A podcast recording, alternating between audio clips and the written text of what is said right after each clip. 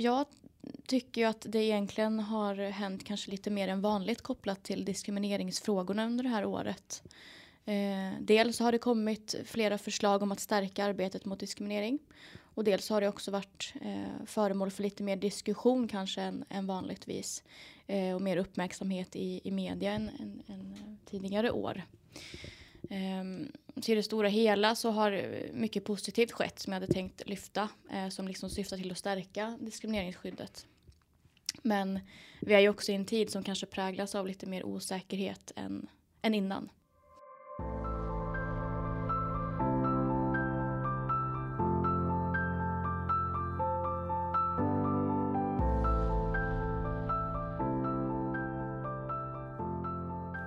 Hej och välkommen till ett nytt avsnitt av Agera-podden. En podcast där vi på Agera Värmland tar upp frågor inom mänskliga rättigheter, demokrati och diskriminering. Allt med ett särskilt fokus på Värmland. Och med idag har vi Sara Johansson. Och Nine Karlsson Norman. Och Lars Stjärnelöv. Och jag som leder samtalet idag heter Per Hydén. Hörni, nu börjar det verkligen närma sig jul. Det är ju Lucia-morgon här när vi spelar in och eh, snön ligger kvar och det är många minusgrader. Mm. Ja, det har gått väldigt fort. Jag kan inte riktigt tänka mig att det är julafton om mindre än två veckor. Ja, och jag kan inte låta bli att tänka att snart är det vår igen. ja, ja, det är jättehärligt. Um, men hörni, idag ska vi ju ägna samtalet åt en eh, tillbakablick på 2022. Så vi alla har ju tagit med oss en reflektion eh, från året som har gått. Eh, så det blir fyra olika mindre teman idag kan man ju säga. Så vi går rakt in på det och jag tänker att Nine, du vill ja. börja? Ja, absolut. Och jag tycker ju att det egentligen har hänt kanske lite mer än vanligt kopplat till diskrimineringsfrågorna under det här året. Eh, dels har det kommit flera förslag om att stärka arbetet mot diskriminering och dels har det också varit eh, föremål för lite mer diskussion kanske än, än vanligtvis eh, och mer uppmärksamhet i, i media än, än, än tidigare år. Um, till det stora hela så har eh, mycket positivt skett som jag hade tänkt lyfta eh, som liksom syftar till att stärka diskrimineringsskyddet. Men vi är ju också i en tid som kanske präglas av lite mer osäkerhet än, än innan. Och först och främst så tänker jag ju på det här uttalandet som gjordes tidigare i höst eh, som blev ganska uppmärksammat där eh, justitieutskottets nya ordförande uttalade att eh, vi bör se över diskrimineringslagstiftningen och eventuellt avskaffa den. Så, och det här uttalandet väckte ju reaktioner såklart.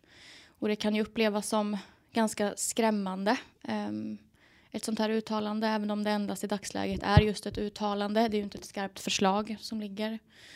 Um, men ja, det är ju anmärkningsvärt, helt klart. Uh, och det här uttalandet verkar ju ha gjorts dels mot bakgrund av uh, en missuppfattning om att diskrimineringslagen inte skulle skydda alla människor det vill säga såväl minoriteter som majoriteter kopplat till till exempel etniciteter, sexuella läggningar eller trosuppfattningar.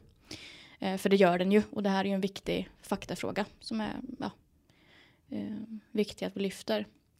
Och framhåller att skyddet mot diskriminering gäller ju för personer i alla åldrar eller med alla etniciteter eller utifrån båda kön då till exempel. Eh, men dels då så, så, så tyckte man då ehm, eh, enligt det här uttalandet att grunden politisk åskådning bör ingå i diskrimineringsskyddet. Det gör den inte idag i, i den svenska lagstiftningen. Det är alltså inte en av diskrimineringsgrunderna, eh, en av de sju som vi har i, i vår svenska lagstiftning. Och det här skiljer sig ju eh, från vad många andra länder eh, har i sin lagstiftning, hur man har utformat den. Och det är också så att många, flera internationella konventioner har ju just politisk åskådning som en diskrimineringsgrund. Um, så att här, här, eh, ja, det kom ju en hel del reaktioner som sagt på det här uttalandet. Eh, det är fackförbund, civilsamhällesorganisationer, diskrimineringsombudsmannen och också flera av antidiskrimineringsbyråerna som har bemött det här. Och man är ganska liksom samstämmiga om att vi kan behöva se över om vi behöver stärka diskrimineringslagen ytterligare med att tillföra då en till diskrimineringsgrund i form av politisk åskådning. Så, eh, så att ja. Det är väl det första jag tänkte eh, lyfta som en spaning. Att det här är ju, ja men det, det är ju lite kanske oroliga tider. Eh, och det kan finnas viss osäkerhet och sådär. Eh, vad, vad, betyder det här och, och hur ska vi bemöta det här och så vidare. Mm. Ja, men jätteviktig sak att lyfta tycker jag. Och ja, men som vi brukar prata om när det gäller diskrimineringsfrågorna att ingen är ju eh, gladare än vi om det är så att man ser över skyddet och menar, vi ser ju ofta att skyddet behöver stärkas på många plan. Eh, mm. Just eh, skyddet mot diskriminering. Men det viktiga är ju här, precis som du säger Nina, att, att det baseras på, på fakta och på hur mm. lagen faktiskt fungerar. Att inte ett sånt här initiativ kommer från en, någon slags missuppfattning. Eh, att inte lagen skyddar oss, oss alla. Mm. Eh, så det är ju en otroligt viktig del att ta med sig ehm, i liksom, framåt. Eh, och det är väl tur då att, att menar, ofta så, så föranleder ju det här någon form av av um, offentlig utredning eller så där eh, och då kommer man ju såklart se på de bitarna att, att man går igenom det här grundligt och ser över skyddet överlag så att jag är inte jätte orolig men det är ju otroligt viktigt att, att vi lyfter det här och att det blir en, en sansad eh, diskussion. så att Ja, men precis och, och, och, även här är man ju eh, samstämmiga liksom, i de här reaktionerna som har kommit. Uttalanden ifrån diskrimineringsombudsmannen och så vidare. Att, att eh, liksom på något sätt nedmontera diskrimineringslagstiftningen är ju inte förenligt med våra internationella åtaganden eller vår grundlag och så. Så att eh, troligtvis behöver vi inte vara så oroliga. Eh, liksom så sett. Och som du säger så skulle det ju alltid föranledas av en utredning. Liksom mm. så. Men förhoppningsvis så kommer alla att, liksom hålla med om att det är bättre att vi stärker diskrimineringslagstiftningen. Precis. Eh, och skyddet vi har. Ja, och ett problem jag också hör när man, man hör vissa sådana uttalanden om att man kan lika gärna eh, avmontera eller nedmontera diskrimineringslagen eh, och sådär. Det är att jag hör ju väldigt sällan några förslag på alternativ hur man ska mm. lösa mm. den här frågan. Eh, för jag menar, det är ju såklart så att man kan eh, förändra hur man eh, ha, lägger upp ett skydd mot diskriminering. Alltså just om man tittar på behövs diskrimineringsombudsmannen? Hur använder vi våra statliga medel för att motverka diskriminering? Det är klart att det kan göra på, göras på olika sätt. Men när man då kommer med ett förslag eller en, en åsikt att diskrimineringslagen eh, ska nedmonteras. Okej, okay, hur ska man lägga upp det arbetet istället? Det har också kommit någon gång att ja, men det där kan väl polisen hantera och det, då har man inte heller riktigt koll på hur, hur lagarna fungerar eh, eftersom diskrimineringslagen eh, och eh, är inte diskriminering är inget brott utifrån diskrimineringslagen. Mm. Mm, mm mm. Så det är många delar som, som måste in här eh, när man pratar om, om i så fall om en förändring skulle skulle ske kring diskriminering. Men det är klart att det är intressant att diskutera hur man mm. skulle kunna lägga upp det på ett annat sätt. Mm. För det är ju inte så att dagens lösning är optimal, särskilt utifrån den enskildas möjlighet till upprättelse mm. som kan vara väldigt svårt. Så att det är absolut intressant att se över, men som du säger Nine, för att stärka ja. den enskildes rätt, inte då bara för att mm, nedmontera utifrån någon slags felaktig missuppfattning att inte det här är ett skydd för alla. Nej men precis och, och jag tror att det kommer att bli väldigt svårt att göra någonting annat överhuvudtaget än att stärka det här skyddet eftersom att det ju är eh, liksom grundpelare i, i, i vårt statsskick och det står också i vår grundlag så vi kommer inte kunna liksom göra precis vad som helst. Eh, men på tal om, om det här med diskrimineringsombudsmannen och rätt till upprättelse och så, så eh, tänkte jag fortsätta lite kort på det här temat med att stärka skyddet mot diskriminering. För det är nämligen så att här i december så kom ett förslag eh, från EU-kommissionen om att stärka medlemsländernas jämlikhetsorgan. Och i, i Sverige så är det ju diskrimineringsombudsmannen som kanske är den främsta eh, liksom myndigheten med det uppdraget. Eh, så att det finns ju faktiskt EU-krav på att det måste finnas jämlikhetsorgan i medlemsländerna. Men eftersom att vi inte har eh, så mycket av gemensamma regler för hur de här organen ska arbeta och, och fungera så har vi tyvärr ett ganska så liksom, ojämnt skydd för diskriminering i EU idag.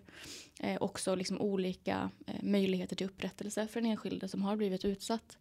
Eh, så nu så är det på förslag här att det ska komma eh, genom direktiv, alltså bindande regler för, för medlemsländerna kan man kalla det, eh, som ska syfta till att stärka och effektivisera de här jämlikhetsorganen eh, genom till exempel mer resurser, eh, med större mandat att agera och så vidare.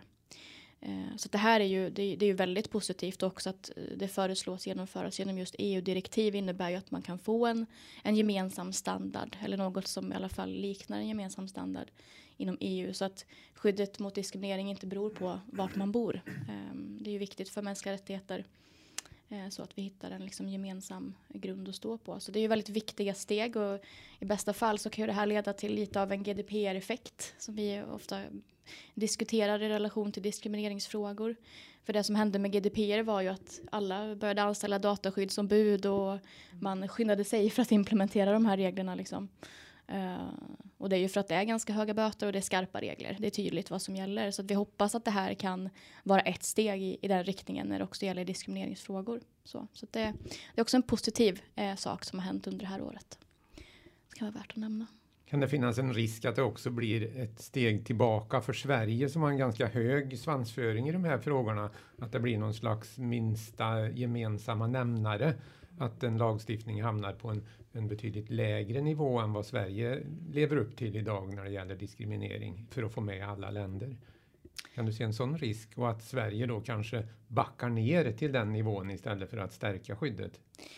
Nej, det har jag svårt att, att, se eftersom att det här, i och med det här direktivet så, så höjer man ändå nivån väldigt mycket eh, av det lilla jag hunnit se än så länge. Man höjer nivån för vad de här jämlikhetsorganen eh, ska göra, eh, liksom rent arbetsmässigt vad det verkar som. Alltså dels med resurser och mandat att agera och sådär. Så att eh, jag har svårt att se det eh, faktiskt.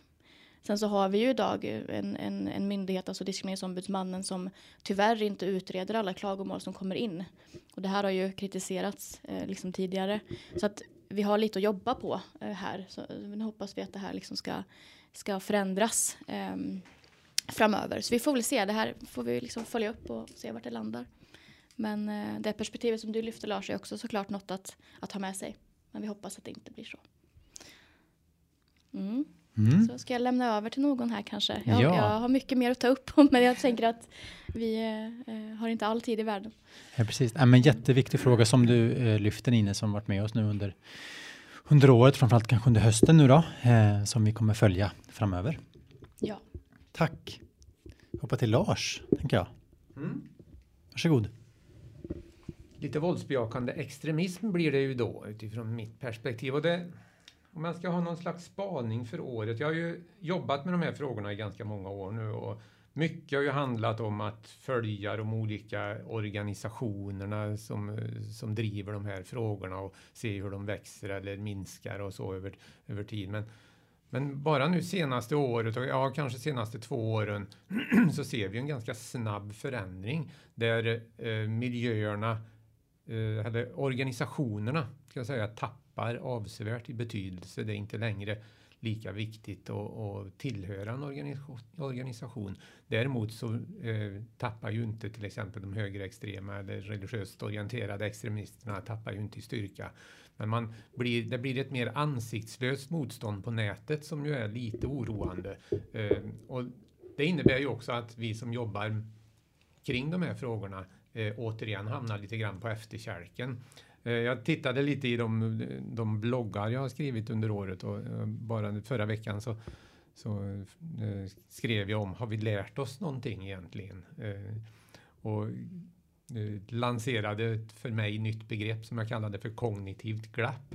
Och det kan jag se eh, rätt tydligt i arbetet att vi vet väldigt mycket om det här. Många som har liksom följt med och sett den här utvecklingen. Vi vet att nätet blir allt viktigare. Vi ser hur allt yngre personer dras in i, i extrema miljöer på grund av att man, man groomar på, på dataspelsidor och så vidare. Men vi har väldigt svårt liksom att omsätta vår kunskap i någon praktisk eh, verklighet tycker jag. Det går lite för sakta med den här kunskapen. Och det, eh, jag brukar se att vi, vi drabbas av någon, någon annanism. Det är hela tiden någon annan som ska göra det här. Mm. Vi väntar på att någon ska liksom kliva fram och, och styra upp det här. Men vi ser liksom inte att det riktigt händer. Så att vad jag skulle vilja se det är ju att, att vi alla tar våra steg utifrån där vi verkar och är. Att se vad, ja, vad kan jag göra i, i, min position som, som lärare eller som socialarbetare eller som polis. Liksom, på vilket sätt kan jag förändra i min vardag så att jag närmar mig den här problematiken så att jag kanske också jobba lite mer konkret. Jag har väl ingen riktigt bra lösning på det här men jag, jag ser det väldigt mm. tydligt mm. ut att vi, vi, kunskapen finns där men uh, vi har lite svårt att agera på den. Kan det vara så att det liksom det är så pass komplicerat och det, det, ja, det är mycket som spelar in och att det kan göra att, att eh, så var och en kanske inte känner att man har så mycket att bidra med mm. i frågan. Eh, eller? Ja, jag tror man är nog lite rädd för att ta i det. Det, det är lite samma sak som när, när eh, frågorna kring IS och så började blomma upp 2013, 2014 att eh, när, när man möttes av de frågorna så ryggar man liksom tillbaka och säger men det, det kan inte jag göra någonting mm. och jag, jag förstår mm. inte det här. Och jag ser lite samma tendenser nu när det hamnar på nätet att ja, men det, det kan inte jag, jag vet inte hur det funkar, vi, jag har aldrig spelat dataspel och så vidare. Så, så att vi har det här generationsglappet lite grann där, där, där de unga som utsätts och som finns i, i riskzonen för att radikaliseras lever ganska stor del av sin tid på nätet. Mm. Medan vi då, som jobbar kring frågorna eh, kanske nästan aldrig befinner oss på de plattformarna och vet därmed inte riktigt hur det funkar. Just det. Hur ser det ut utifrån ett föräldraperspektiv kring de här eh, frågorna? För jag förstår ju om du säger att många lärare och socialsekreterare och sådär, att det finns kunskap, men någonstans ändå så blir det ett glapp till just att ta initiativ eller eh, kan man liksom som förälder då vara mer uppmärksam eller vara lättare att ta till hjälp? Eller hur går dina tankar liksom kring de frågorna? Att man, för att jag tänker att speciellt när det gäller, ungdomar och spelande så, så är det väl antagligen oftast föräldrarna som kanske får de första varningssignalerna. Eh, antar jag. Hur ja, eh, kan det se jag ut? möter ju föräldrar som, eh, kring de här frågorna, till exempel i vårt anhörigstöd, där man då har barn som har radikaliserats. Och tyvärr är det väl så att man, man har inte sett det här förrän kanske skolan larmar eller mm. eh, någon annan liksom hör av sig och säger att vet du att din pojk eh, gör det här och det här på nätet. För man har så lite insyn i vad ens barn gör. Eh, det var ju mycket enklare tidigare när man kanske hade en gemensam dator i, i hallen eller i, i vardagsrummet och, och, så delade man på datortiden. Men nu har ju alla sin egen tillgång till nätet via sina smartphones eller en egen laptop på, på rummet eller en, en, en padda. Så att eh, det har inneburit att eh, ungdomarna drar sig tillbaka, sitter på sitt rum och, och chattar och, och, är på, på sidor som föräldrarna tyvärr inte riktigt har tillgång till. Så där skulle jag också vilja att man liksom var intresserad och kanske Eh, ställde lite öppna frågor och ville vara med och fråga kan du inte visa vad, hur det funkar och, och, så men eh, ja, klappet finns där också. Just det och det, det du säger nu gör det ju kanske då ännu mer viktigare att man som lärare eller eh, vem du än är, det kanske är någon eh, ledare på någon fritidsgård, om man noterar någonting att faktiskt också kunna agera. För det är då inte säkert att den ungdomens föräldrar faktiskt känner till det här eller så att eh, man inte bara förutsätter då som, som jag kanske gjorde nu då att, att ja, men föräldrarna vet nog om det här eller har någon mm. koll eller utan att det, det, ser jag någonting som jag blir orolig för hos en, ett barn eller ungdom så att faktiskt ha sitt, sitt vuxenansvar eller så att faktiskt ja, det är agera. Väldigt, väldigt viktigt att signalera oro när man, mm. när man ser det för att just därför att många gånger så vet man inte att det här pågår. Mm. Och det är det som också gör nätaktivismen så svår att följa. Förut man kanske då de högerextrema grupperna på 90-talet som klädde sig i bomberjackor och, och kängor och rakade skallen och gick, drog fram i skolans korridorer och, och heilade och, och, och skrek. Då var det liksom väldigt enkelt att se, jaha, här har vi problem. Mm. Mm. Men nu då när man liksom har sin smartphone på fickan och sitter i, man kan ju sitta mitt i kafeterian och, och och delta i en chatt någonstans kring de här frågorna utan att omgivningen har en aning om det. Mm. Så att vi måste bli mer intresserade i tror jag, vad, vad våra ungdomar gör och också kunna erbjuda alternativ eh, till, till eh, de här sidorna. För det är ju också så tyvärr då att de som är mest sårbara är de som lättast dras in också. Går det att säga då att det, det, har liksom blivit mindre synligt, de här yttre attributen som du beskriver, alltså kläder och, och stil och så. Är, är det på väg bort? Ja, kanske? det är det. På, på, det blir lite på gott och ont naturligtvis. Det är inte mer än bara några år sedan, fyra, fem år sedan, som vi stod, såg stora demonstrationer ute på, på gatorna med hundratals eh, NMR-anhängare som samlades för första maj-demonstrationer till exempel. De är ju i princip borta. Eh, så att det, den uttrycksformen ser vi inte så mycket av för tillfället. Det kan vara små eh, torgmöten och så vidare. Men inte de här Mm. stora sammandrabbningarna ser vi ju inte. Inte de som, vi hade ju också väldiga eh, eh, kollisioner mellan då eh, autonoma rörelsen, de, den antidemokratiska vänsterrörelsen Mm. och, eh, och eh, de högerextrema som slogs på gator och torg. Och det, den delen är ju borta, den här Mm. gatukampen. Men eh, då finns det så mycket annat, lite smutsigare, tyngre, som ju då föder den här lite svåra ensamagerande personen, ensamvargen, om vi kallar den det. Som, eh, till exempel Theodor Engström, eh, attacken eh, på, under Almedalsveckan är ett typexempel. En person med, med psykisk ohälsa har ett långt förflutet inom, inom en extrem miljö men har ingen liksom, riktig kanal och, och, och där han kan eh, pysa med sitt, sitt hat och sen så bestämmer man sig själv för att gå ut och agera och så är det naturligtvis jättesvårt för säkerhetstjänster och polis och, och, vara- ha en beredskap för det. Så att, eh, Mm.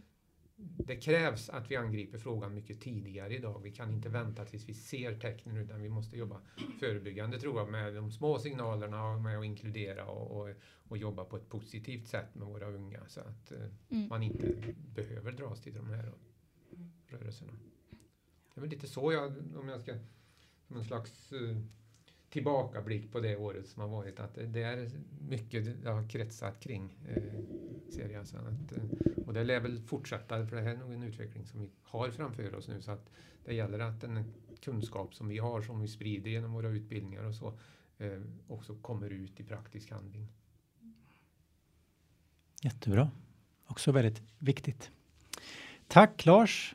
Jag ger ordet till dig Sara. Ja, tack. Jag kommer ju knyta an då lite till det Lars redan har pratat om nu här. Eh, min spaning är inte något som är nytt specifikt för det här året, men eh, det hakar ju på Lars tema där, den här pågående utvecklingen då som vi har sett de senaste åren. Där den våldsbejakande extremismen intar nya rum, internet, eh, spelchatter och sådana forum. Och därmed också engagerar nya kategorier, eh, barn och ungdomar det når längre ner i åldrarna och så. Och när den här målgruppen då som vi tänker på, när den förändras så måste vi också tänka delvis annorlunda kring eh, hur vi kan bemöta och jobba med den här problematiken. För det är förstås skillnad på att jobba med eh, vuxna högerextremister till exempel som redan har ett våldskapital som de omsätter i handling. Eh, och ungdomar i kanske yngre tonåren som sitter och chattar och börjar interagera med extremistiska budskap på nätet och kanske anamma de här åsikterna gradvis. Eh, så det är en bred skala så. Eh, och barn har ju förekommit i diskussioner kring våldsbejakande extremism på olika sätt senaste åren. Eh, dels är det det här spelandet men också barnen som kommer hem från fångläger i Syrien eh, vars föräldrar har varit hos IS då. Och där har vi ju sett hur samhällsdebatten har spretat kring hur samhället då ska förhålla sig till de här barnen. Ska de ses som, är de också säkerhetshot och ska betraktas som potentiella framtida terrorister? Eller är det barn rättighetsbärare och hur ska vi ta tillvara deras rättigheter då? Så det har ju varit en viktig diskussion. Eh, men sen är det ju just det här med internet då som står väldigt mycket i fokus nu och utbildningarna här från Agera och så också. Eh, och både högerextrema grupperingar och individer och våldsbejakande islamistiska eh, rörelser har ju varit väldigt framgångsrika i att använda just nätet för att sprida propaganda och eh, ja, men locka till sig nya förmågor. Om man säger så. Och det går längre ner i åldrarna och då behöver vi också följa efter med arbetet och ta hänsyn till det här att det är en ny målgrupp och, och, och en ny arena som vi ska förhålla oss till. Mm, och här pratade ju Lars lite om svårigheten att gå från den här kunskapen vi har till att faktiskt omsätta det i en praktik. Eh, och här tänker jag att det spelar in att våldsbejakande extremism är ett begrepp som kan skrämma ganska mycket och det kan provocera och det känns väldigt stort um, och, och, komplicerat helt enkelt. Uh, alltså det kan vara någonting som man som lärare eller fritidsledare, socialarbetare inte riktigt vet hur man ska förhålla sig till. Eh, och man kanske känner en diffus oro men vet inte riktigt om det kan handla om det här eller om det är något annat och då kan det liksom bli ett hinder där, kunskapsglappet helt enkelt. Ofta tänker man kanske på polisiära insatser och juridiska sanktioner och den typen av lite hårdare tag så här i de här frågorna. Eh, men som Lars också sa så handlar det ju mångt och mycket om att angripa det här tidigt innan det slår ut i någonting. Brett förebyggande arbete. Skolorna har ju en jätteviktig roll. Att alla ska känna sig inkluderade och man ska ha sin plats och få vara, få vara med liksom på sina egna villkor. Eh, och här behöver vi också se att eh, man behöver inte vara expert på dataspel eller på, på extremism i sig så för att göra en viktig skillnad här utan våldsbejakande extremism det finns ju ett spänningsfält som är väldigt vitt och brett och det kan handla om allt från att börja uttrycka eh, extrema åsikter eh, till faktiskt våldsanvändande då. Eh, så i och med den här breda skalan så är det ju så att vissa saker kanske bäst hanteras i hemmet eller med en kurator en innebandytränare eller liknande. I andra fall när det har gått längre då är det kanske polis eller socialtjänst. Och de här insatserna kan ju löpa parallellt också såklart. Um, jag tror att det skulle kunna vara bra om vi kunde avdramatisera fenomenet lite mm. grann. Just att det ska kännas lättare att agera och ta första steget när man som ja, men fritidsledare då kanske läser av signaler hos någon ungdom man har. Um, och hjälp och stöd kan man ju få till exempel här på Agera om man har funderingar och vill ha lite vägledning och hjälp i det. Eh, så jag tror kanske att man skulle kunna ta med sig in i nästa år att försöka tona ner det alarmistiska lite grann. Därmed inte förminska problematiken på något sätt men ändå se att det här är någonting som inte alltid behöver vara Liksom, det behöver inte alltid handla om terrorism utan det kan vara små tecken och liksom i en tidig linda som vi kan angripa det. Eh, för terminologin i sig kan vara lite förlamande ibland tror jag och hindra mm. förhandling. Eh, så man kan försöka hitta lite andra ingångar och så och se bredden i det hela. Mm.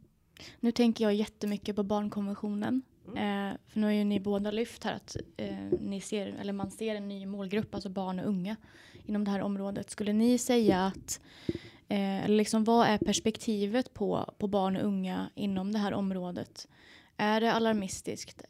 Eh, har man ett, ett liksom säkerhetstänk eller ett, ett, ett eh, strafftänk snarare än att det här är barn och unga det, det handlar om? Har man rätt perspektiv? Liksom? Uh, jag är ute rätt mycket i skolorna till exempel och det, det, ser, alltså tyvärr ser det väldigt olika ut. Uh, det hänger mycket på vem, vem, vilken person det är som hanterar frågorna egentligen. Eh, mycket utifrån ett eget intresse och så. Men tittar man på elevhälsan generellt så har man ju ett bra barnperspektiv, det, det tycker jag. Men det finns ibland till exempel både skolledning eller kanske kommunens styrgrupp som hanterar de här frågorna som då också ser det ur ett säkerhetsperspektiv och, och kanske då vill jobba med avstängning eller lite mer hårdare tag eller skalskyddade skolor och så vidare kring det här vilket har en väldigt begränsad effekt eftersom som det är ju elever på skolan som också drabbas av det här så har man ju även tillträde till skolan. Mm. mm. Men eh, elevhälsan generellt har en väldigt bra ingång i det här arbetet så att eh, jag hoppas mm. de får bra utrymme att jobba med det. Mm. mm. Ja jag tror just att den här laddningen som sitter i begreppet våldsbejakande extremism kan färga av sig lite så att det finns en risk att man sätter etiketter på eh, barn som rör sig kring mm. miljöerna. Mm. Jag vet eh, när jag var på en skola det var några som hade rest till Islamiska staten så fanns det småsyskon kvar som gick på skolan. Eh, lågstadiebarn. Och då var det en eh, lärare Eh, som jag pratade med som berättade att inom lärarkollegiet så var det många som refererade till de här småsyskonen som terroristens syskon. Så där kan man liksom se hur det också smetar av sig lite på personer i omgivningen. Och det här är ju små barn Mm. som man inte ska prata om på det sättet, tänker Nej. jag. Nej. Eh, men det finns en så stor laddning i frågorna så jag tror att Mm. det, Mm. det finns hela tiden den risken. Liksom. Mm. Nej, men just också det här med som ni pekar på här nu, den ex exkluderingen som kanske då sker. Eh, både då som i det här fallet då att man faktiskt eh, kallar eh, barn vid någon form av, av eh, öknamn på grund av de här åsikterna eller kanske till och med familjemedlemmars åsikter. Eh, men eh, också kanske då att om man har en ungdom eller ett barn i sitt innebandylag eller i sin skolklass som då ger uttryck för, för väldigt eh, eh radikala åsikter eller våldsbejakande åsikter så kanske det är ganska lätt då att man vill exkludera för att det känns så långt från sina egna åsikter och man kan inte hantera det. Men det, det är ju också en, en väldigt farlig väg att gå just det här att om, om eh, man inte får vara med i de, de goda sammanhangen så finns det ju såklart en risk att man, man dras ännu mer till de extremistiska miljöerna vad den det är. Så att det är väl också något att just skicka med där att faktiskt avdramatisera och bjuda in, fortsätta bjuda in eh, snarare än att stänga av då som du var inne på Lars eller att faktiskt exkludera. Eh, Det tror jag inte hjälper. Nej, det är väl det största felet man kan göra nästan att eh, trycka ut en person ytterligare i, i sina extremistiska tankar. Vi har ju gjort en liten filmsnutt på Agera som kopplar kring de här frågorna där vi har en passage eh, som säger att det börjar ofta med ett hej om man vill göra en förändring. Mm. Och svårare än så behöver det inte vara. Så att, det kan vara ett bra sätt att avdramatisera de här frågorna. Att vi, vi behöver, som du sa Sara, inte kunna allt utan i, ibland räcker det bara med att finnas till, finnas där och, och, Mm. och vara en medmänniska. Mm. Ja, kanonbra, jätteviktigt. Eh, Jag tänker att vi går vidare på, på den sista reflektionen som då är min. Och det blir egentligen helt, helt perfekt, för jag har ju tänkt att prata om eh, inkludering. Så det var ju perfekt det vi faktiskt avslutade med här. Och utifrån eh, Antidiskrimineringsbyråns perspektiv så när vi pratar om inkludering så rör vi oss framförallt då i skolans värld eller i arbetslivets värld. Så jag tänkte innan jag eh, pratar lite tänkte jag ställa frågan eh, till er. Vad är eh, inkludering för, för dig? Om vi börjar med dig Sara, vad, vad tänker du på när, när du hör inkludering? Ja, eh, det handlar ju egentligen om att man öppnar upp och låter alla vara med. Att inga sammanhang liksom sluts. Eh, och att man istället exkluderar då. Motsatsordet, det första som dyker upp. Mm. Ehm, så, nej, ett öppet förhållningssätt och välkomna alla. Tack. Ine? Eh, ja, ehm, oj. ehm, jag vet inte, det, det första jag tänkte på nu var att, att inkludering, det handlar om att kunna eh, vara olika och kunna vara det i samma rum. Ehm, men också, eller liksom att, att också kunna acceptera det och kunna säga så här, ja, men vi tycker inte samma sak eller vi tycker inte om varandra men, men vi är i samma rum och det, det klarar vi av och vi respekterar varandra i det. Mm. Det var det första jag tänkte på nu. Eh, det, så att ja. Ja, tack. Ja, när jag jobbade med de här frågorna på en högstadieskola för ett gäng år sedan, då, tycker jag, då kom vi på en, ja, jag tycker den formuleringen är smått genial kopplad till inkludering. Hurra, vi är olika. Vilket li, liksom tar vidare precis det du sa Nine, där, Ja. att, att man behöver inte tycka precis lika, men man har ändå eh, rätt att få tillhöra. Och, så där eh, gjorde vi så genom Hurra vi är olika, att vi lyfte olikheterna som en tillgång istället för ett problem eh, just för inkluderingen. Och, så att det blir, får bli min, min Ja. Mm, och också det här att kanske hitta gemensamma nämnare i det. Att det finns alltid någonting vi har gemensamt, hur olika vi än är kanske. Eh, och att det är en viktig del också i, i liksom inkluderingsperspektivet. Just det. Ja, men tack. Eh, och det här var inte meningen på något sätt att ställa er mot väggen och få en slags eh, rätt definition, utan bara att höra lite tankar kring inkludering. För det begreppet är ju någonting som, som vi har börjat använda mer av på Antidiskrimineringsbyrån det senaste året nu här. Att prata mer då, om man vill, vi kallar det så positivt, just att skapa inkluderande arbetsplatser, en inkluderande och trygg skola. Eh, Vi pratar ju såklart om, om antidiskriminering och diskrimineringsfria arbetsplatser också. Men när man pratar inkludering så, så har, jag, har jag i alla fall gjort reflektionen att eh, det sänder en annan signal att man pratar om det positiva, vad man kan göra. Eh, Att vi också kan inkludera. För jag tycker det är så spännande med det begreppet inkludering för, för det är så centralt i, i, hos, liksom i våran natur och som människor att vi behöver tillhöra. Eh, det är så djupt eh, i våra, våra grundläggande behov att tillhöra.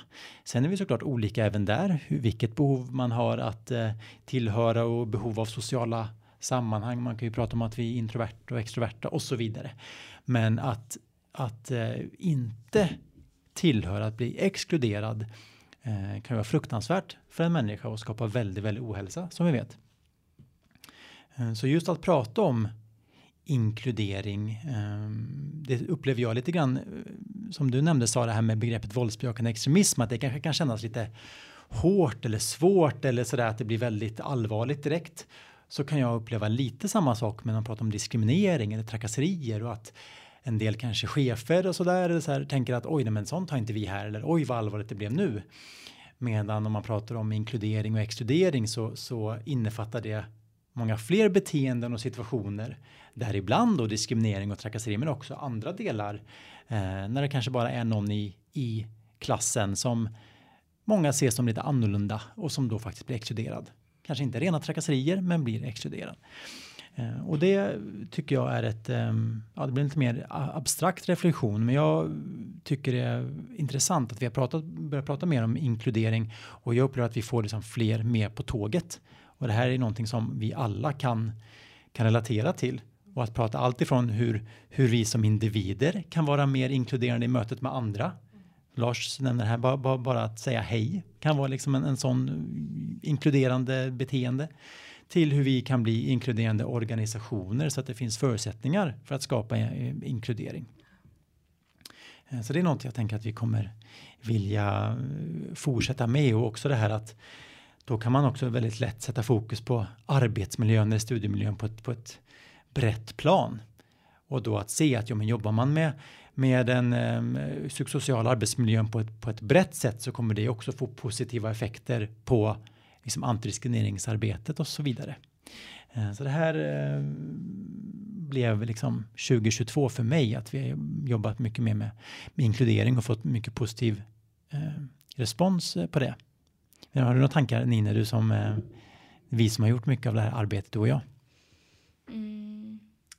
Nej, men det är väl det här att, att eh, inkludering, det, det, är ju liksom ett begrepp som kan beskriva det här bredare arbetet som kommer att förebygga diskriminering, det kommer att eh, skapa förutsättningar för lika rättigheter och möjligheter. Eh, det kommer att eh, liksom påverka hälsan på ett positivt sätt hos den gruppen som man liksom jobbar med det här med. Eh, så att ehm, det, det, jag tycker också att det är ett jättebra begrepp som vi eh, nog ska ta fasta på eh, liksom ännu mer. Mm. Absolut. Mm. Tänker ni någonting Sara och Lars?